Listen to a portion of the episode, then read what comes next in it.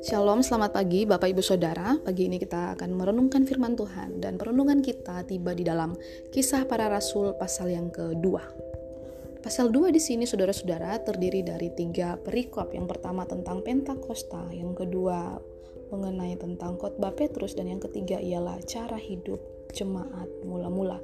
Nah, saudara-saudara, kita melihat di dalam ayat yang pertama sampai ayat 11, perikop ini mengisahkan tentang pencurahan Roh Kudus.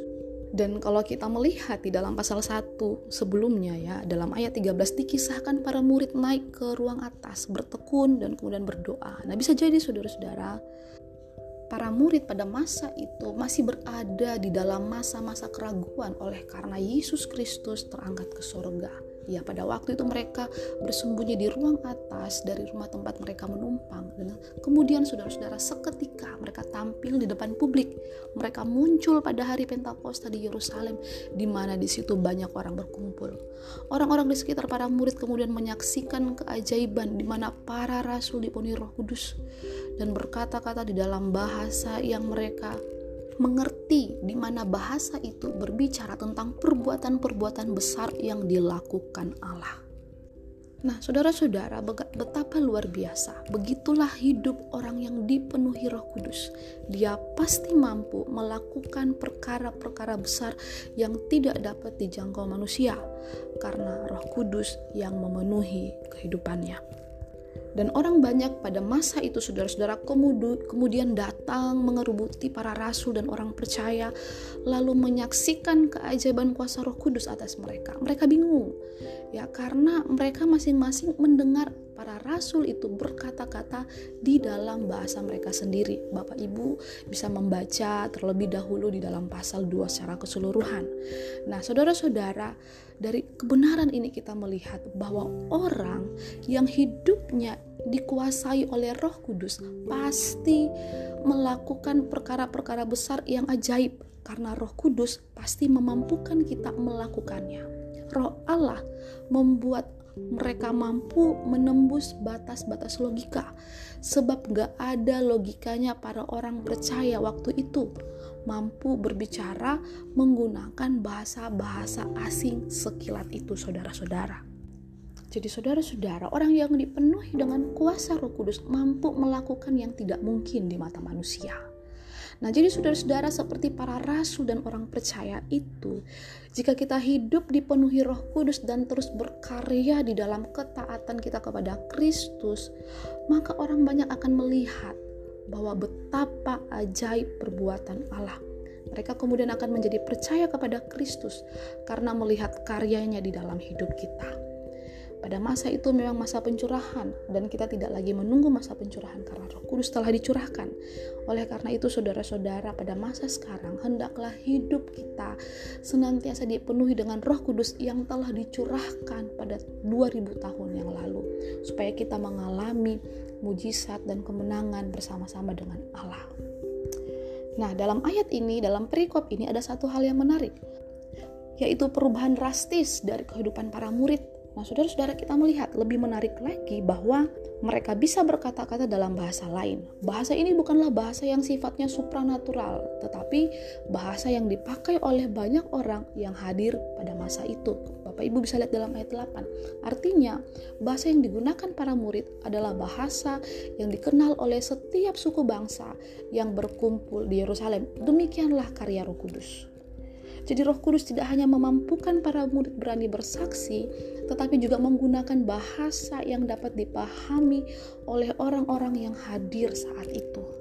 Sehingga nama Allah semakin ditinggikan dan semakin dimuliakan. Nah, jadi saudara-saudara, tidak perlu kita memakai bahasa supranatural untuk bersaksi, tetapi pakailah bahasa yang sederhana yang dapat dipahami orang lain apa isi kesaksian kita Bapak Ibu? Isi kesaksian kita bukan menceritakan kehebatan dan keunggulan kita, tetapi menceritakan perbuatan Allah yang dahsyat di dalam hidup kita.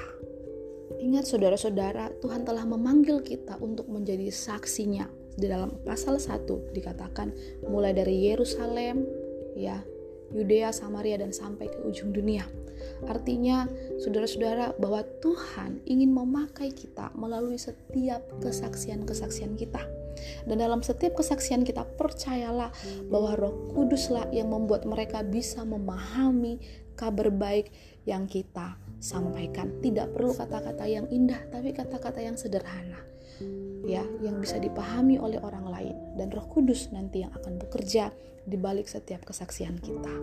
Mungkin saudara-saudara kita punya keterbatasan di dalam bahasa atau keterampilan berbicara, tetapi ingat dalam kuasa Roh Kudus, kabar baik dapat masuk ke dalam hati setiap orang yang mendengarkan kesaksian kita. Ini adalah poin pertama dari perenungan kita bahwa pencurahan Roh Kudus memampukan orang percaya untuk bersaksi mengenai kebaikan Allah di mana saja. Kemudian yang bagian kedua Saudara-saudara, dampak dari hadirnya Roh Kudus dalam kehidupan orang percaya, yaitu dalam perikop kedua mengenai khotbah Petrus, di mana Petrus dipakai Allah dengan luar biasa untuk menyampaikan kebenaran firman Tuhan. Kepenuhan Roh Kudus membawa perubahan yang besar, saudara-saudara, bagi para murid. Salah satunya adalah Petrus. Petrus yang pernah meragukan kuasa Yesus ketika berjalan di atas air.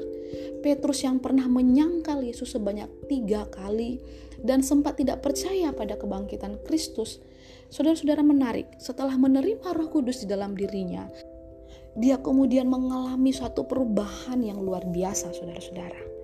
Petrus yang dulunya penakut kemudian berubah menjadi seorang yang penuh keber keberanian. Dia kemudian bangkit dan menyampaikan kebenaran firman Tuhan dan menyatakan kepada semua orang tentang Yesus Kristus yang telah mengalahkan maut dan bangkit dari kematian. Kepenuhan Roh Kudus saudara-saudara mengubahkan kita dari pengecut, dari penakut menjadi pemberani. Roh Kudus kemudian mengubahkan paradigma kita, mengubahkan pola pikir, mengubahkan sikap dan perilaku kita yang dulunya adalah orang-orang yang tidak mampu bertahan, yang tidak mampu berdiri dalam nama Tuhan, sekarang menjadi mampu berdiri bahkan menjadi kesaksian. Inilah yang menjadi perenungan kita pada poin kedua, yaitu Roh Kudus memberikan keberanian kepada setiap orang percaya untuk menyatakan kebenaran firman Tuhan. Kemudian bagian yang ketiga, saudara-saudara, dalam perikop ketiga, yaitu dalam ayat 41 sampai ayat 47, yaitu mengenai cara hidup jemaat mula-mula. Dalam poin ini, kita bisa melihat bahwa hadirnya Roh Kudus dalam kehidupan orang percaya membawa jemaat mula-mula itu bertekun di dalam persekutuan. Saudara-saudara kita melihat bahwa jemaat ini terbentuk oleh karena mereka mendengar Injil yang disampaikan oleh Petrus yang berkhotbah pada hari Pentakosta. Setelah mereka mendengar Injil itu mereka percaya dan menerima Yesus sebagai Tuhan dan juru selamat dan memberi diri mereka dibaptis sebagai tanda pertobatan. Kemudian para jemaat ini saudara-saudara dan berkumpul setiap hari di bait Allah. Mereka memecahkan roti di rumah masing-masing secara bergilir dan memakannya dengan tulus sambil mempermuliakan nama Tuhan. Kenapa hal ini bisa terjadi? Hal ini terjadi oleh karena ada Roh Kudus yang telah membaharui hati dan pikiran mereka, sehingga mereka punya kesetiaan atau ketekunan di dalam setiap persekutuan. Nah, jadi saudara-saudara, perikop ini mengulas tentang kesatuan gereja mula-mula yang utuh, yang solid dan harmonis. Persatuan itu didasari oleh hati yang takut akan Tuhan, hati yang peduli terhadap sesama dan penuh ketulusan. Bertekun dalam persekutuan menjadi salah satu ciri gereja mula-mula ya di samping bertekun dalam firman dan doa saudara-saudara di dalam persekutuan mereka banyak bergaul satu dengan yang lain, saling mengasihi, membangun kedekatan, kemudian menunjukkan kepedulian, saling berbela rasa, saling mendukung dengan sepenuh hati satu sama lain. Mereka berkumpul di bait Allah setiap hari untuk menyatakan hidup yang berbakti kepada Tuhan. Mereka menjadi jemaat yang murah hati. Mereka rela berbagi dengan harta miliknya dan saudara-saudara kita melihat kasih dan kesalehan mereka menjadi kesaksian nyata sehingga setiap hari semakin banyak orang yang menggabungkan diri dengan jemaat itu. Saudara-saudara yang terkasih, persekutuan yang intim, penuh kasih dan kesalehan, ya seharusnya itu tetap hidup di dalam masa kini, dalam jemaat masa kini kiranya dasar persekutuan kita dengan Tuhan itu benar-benar dalam motivasi yang benar, bukan hanya sekedar bersenang-senang, melepaskan kelelahan atau penat kita, mencari kepuasan dengan mengesampingkan Tuhan. Tetapi biarlah persekutuan kita menjadi berkat bagi banyak orang karena didasari dengan prinsip hidup Kristiani yang benar. Jadi saudara-saudara dari peristiwa atau dari kisah dalam kisah para rasul pasal 2 dapat kita lihat bahwa kepenuhan Roh Kudus memampukan kita untuk bersaksi tentang Allah. Kepenuhan Roh Kudus memberikan kita hikmat untuk bisa menyatakan tentang kemuliaan Allah di sekeliling kita. Kepenuhan Roh Kudus memampukan kita untuk berani melangkah, menyatakan kebenaran firman Tuhan. Kepenuhan Roh Kudus membawa kita menang atas ketakutan dan kecemasan kepenuhan Roh Kudus menyadarkan kita bahwa hidup kita ini milik Kristus bukan milik kita sendiri seperti jemaat mula-mula saudara-saudara mereka bertobat memberi diri mereka dibaptis karena mereka sadar hidup mereka adalah milik Tuhan kemudian kepenuhan Roh Kudus saudara-saudara memampukan kita untuk memiliki spiritualitas yang baik yaitu membangun hubungan dengan Tuhan dan juga membangun hubungan dengan sesama. Karena kita sadar kita hidup di dunia, kita masih bertemu dengan orang-orang di sekitar kita. Oleh karena itu, mari jadilah berkat bagi sekeliling kita, bagi sesama kita, terlebih hidup kita memuliakan nama Tuhan. Demikianlah kebenaran firman Tuhan pada pagi hari ini. Tuhan Yesus memberkati. Shalom. Baik Bapak Ibu, kita akan masuk dalam doa syafaat kita. Mari kita berdoa. Tuhan, terima kasih buat firman Tuhan yang mengingatkan kami bahwa pentingnya kami senantiasa dipenuhi oleh Roh Kudus. Kiranya kami menjadi jemaat yang senantiasa merindukan pemenuhan Roh Kudus dalam hidup kami. Pada kesempatan ini ya Tuhan, kami terus berdoa buat rencana pembangunan GIS Diabetes dan Ministry. Kami berdoa kiranya Tuhan terus mencukupkan setiap dana yang kami butuhkan di dalam nama Yesus. Kiranya ya Bapa, kuasamu dinyatakan dalam kami membangun gereja ini kami percaya Tuhan sanggup melakukan perkara yang besar. Berkati jemaat Tuhan, berkati setiap hamba-hamba Tuhan. Biarlah kami dapat bekerja sama dengan baik di dalam mendirikan gerejamu Tuhan. Kami bersyukur, menyerahkan hidup kami sepanjang hari ini. Kiranya tangan Tuhan yang akan senantiasa menopang, menolong kami dalam segala pergumulan kami dan juga apa pun yang kami kerjakan sepanjang hari ini.